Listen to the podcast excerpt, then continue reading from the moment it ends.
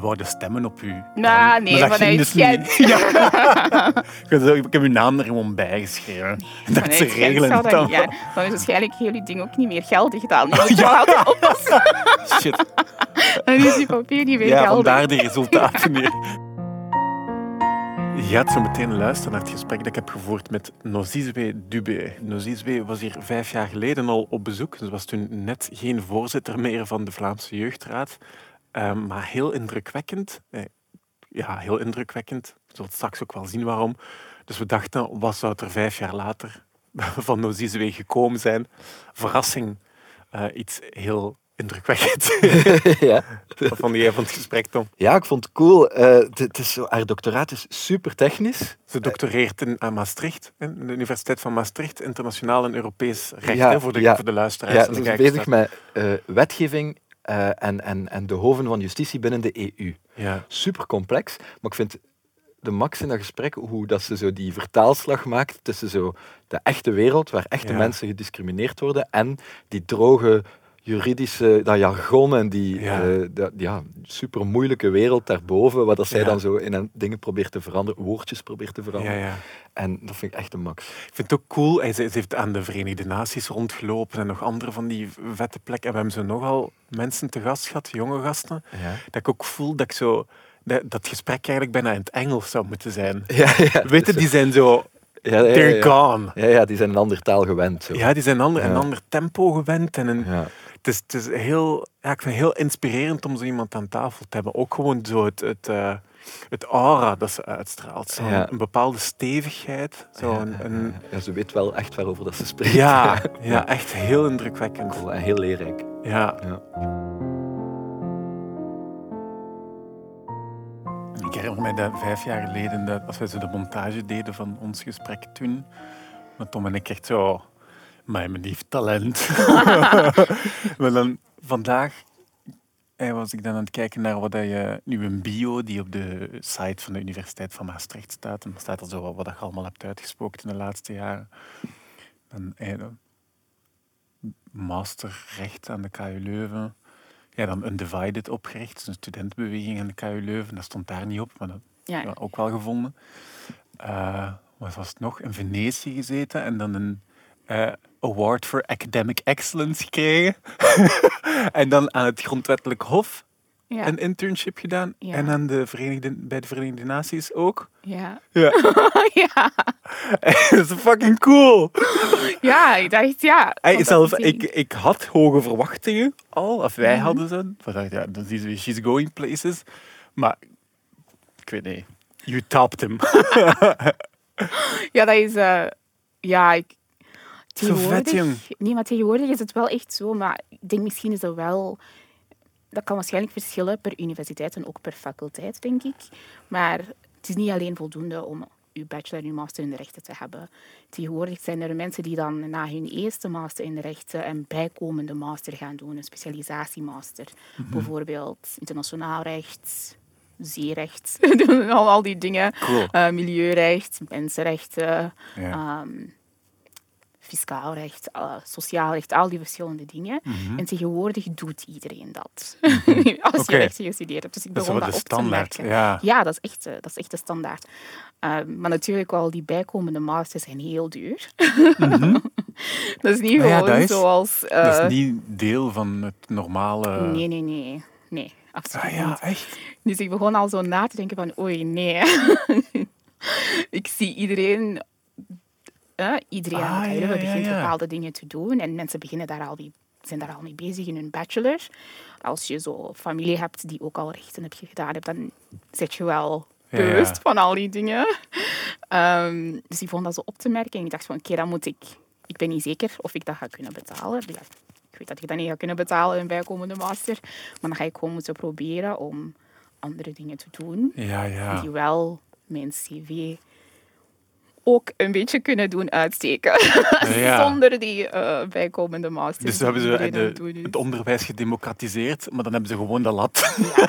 Ik kan alleen Heel spreken voor rechten. Ik weet natuurlijk niet hoe dat het is met andere Ja. faculteiten en andere opleidingen. Maar dat is wel echt een trend in de rechten ondertussen. Dat Ja. is Maar dat is heavy, ja. Ja, ja.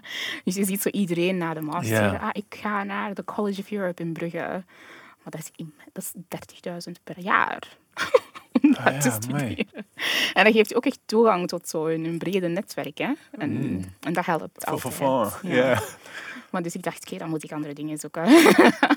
ja. dus dan heb ik dat is echt gewoon uit noodzaak. eh, uit noodzaak, maar de voornaamste reden waarom, waarom dat ik rechten ben gaan doen, was omdat ik ehm, vooral met mensenrechten bezig wou zijn. Mhm. Eh, mensenrechten, ehm, asielrecht, ehm, nu, anti, nu non-discriminatierecht. Dat zijn zo de dingen die ik wel zo voelde van, dat is meer mijn interesse. ja, de veilige gebieden zo ja. Maar ik zag wel zo meteen dat de professoren gaan daar precies zo vanuit dat we allemaal zo big corporate lawyers worden. En dat is natuurlijk wel zo ook weer Ja. de suits imago van Ja. een advocaat. Dat kreeg je dan ook wel. Ja, en dat is echt wel de focus ook van, van de rechtenopleiding. Ja, dus als je ik. daar buiten eerder asielrecht en mensen dan voelde van je hebt wel ergens anders wat input nodig om daar beter in te worden. Ja, gelukkig voor zo'n dingen moet je niet per se een specialisatiemaster gaan doen. Dat kan je ook wel ervaring over opdoen door binnen een NGO of zo. Of Ja, een beetje naar de internationale instelling. Gewoon even lang. Ja. Zo, dat kan je dan ook doen.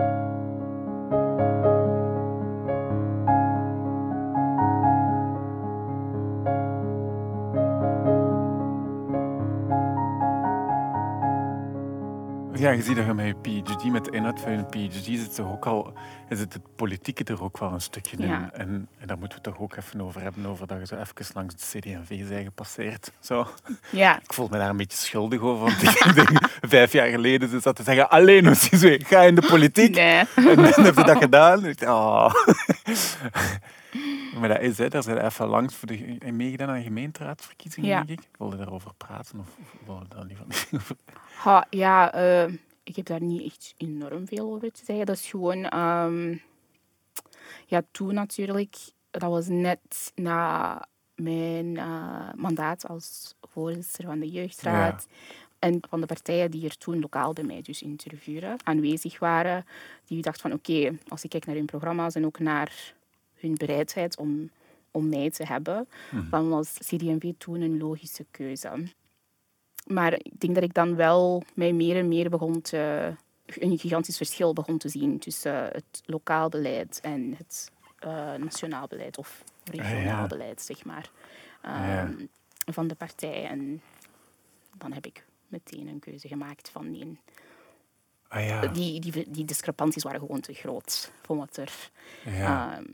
Op lokaal niveau zich dan afspeelde en wat grote kopstukken op regionaal of eh, federaal niveau zaten te zeggen. ja. Wat houden daar aan over? Zo?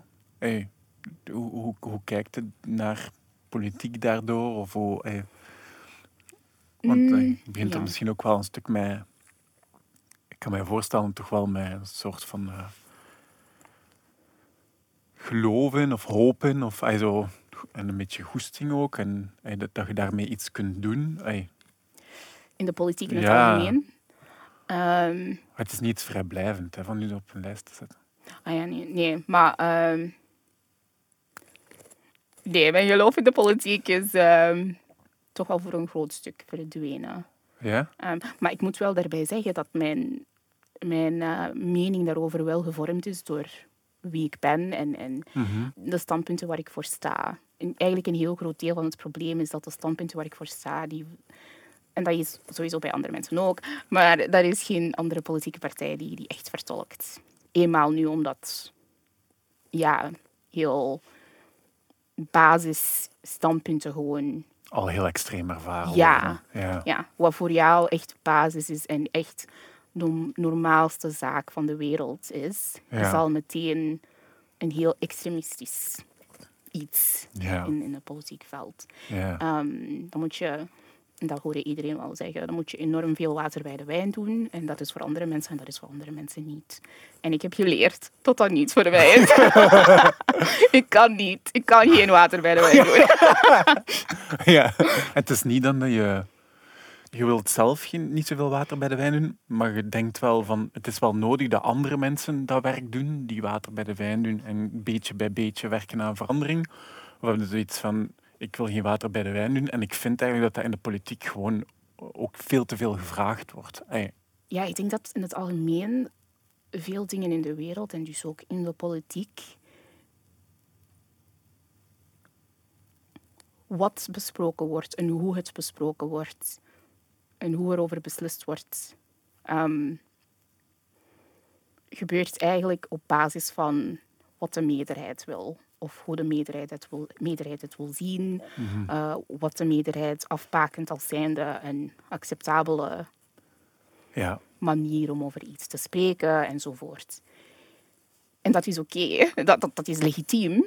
Maar dat is niet de bedoeling dat ze de dictatuur van de meerderheid wordt. ja, ik denk dat we dat misschien iets te weinig beseffen. En Ja. het, het ding is ook wel, ik wil daarmee natuurlijk niet zeggen dan, dat ik misschien bijvoorbeeld naar andere mensen met een migratieachtergrond of naar vrouwen ehm, kijk in- die in de politiek zijn. En dat ik daarmee dan zeg van, oh, ik kijk een beetje neer op hen, want Ja, ja. dat wil dat dan betekenen dat zij ook water bij de wijn doen. Nee, ik, ik eh, begrijp ook dat iedereen een andere manier heeft Ja. maar soms is die grens wel dun tussen proberen de wereld te veranderen in hoe dat jij het wilt zien, enerzijds, maar anderzijds een agent zijn voor alles wat je eigenlijk niet wil. Ik weet niet of dat duidelijk is. ja, het status quo te die eigenlijk gebruikt wordt om het status quo te bestemmen. ja, Zodat er kan Ja. gezegd worden van ja, maar we hebben iemand Ja. van kleur in onze partij. ja, Maar eigenlijk laten we die, geven die zo weinig speelruimte dat die haar aanwezigheid... Mhm. Ja, Ja. en die, die grens is soms wel heel erg dun. En soms, Mhm. ehm, je bent natuurlijk ook maar één persoon in een heel gigantische organisatie of een Mhm. partij of weet ik veel. Maar ergens, dat deed me wel echt beseffen dat er wel heel veel eh, waarheid zit in, in die uitspraak van Audre Lorde. Mhm. De Ah. master's tools. Ja, you will never- can't dismantle the master's, to- uh, house of the master's tools. Mhm. sommige, ja, sommige structuren in de maatschappij en, en, en instellingen, Mhm. ehm, die hoeven niet gereformeerd te worden of ehm, zo aangepast te worden dat iemand zoals mij erin kan. Mhm. Dat is soms gewoon niet voldoende. Sommige van die instellingen en sommige van die ehm, organisaties, wat dan ook, die moeten gewoon met de grond gemaakt worden en opnieuw. Dan moet je gewoon opnieuw beginnen. Ja. Dat is denk ik een les die ik de voorbije vijf jaar heb geleerd. Ik denk dat Olivia Rotaziba bij ons zei, dat ze de, over het, over het Afrika Museum in Tervuren, dat als ze hun project serieus hadden genomen van het decoloniseren, dat ze het gewoon hadden moeten platsmijten en de kunst terugsturen. En, Ja. zo. en ik dacht, Eigenlijk hey, ja. Ja. Ja, is eigenlijk. eigenlijk- ja, dat is een heel harde les die ik op meerdere manieren heb geleerd de voorbije Ja? vijf jaar. Van sommige dingen kan je gewoon niet... Van binnenuit. Nee, je, Ja. je kunt dat niet... you- some things, you just can't reform them.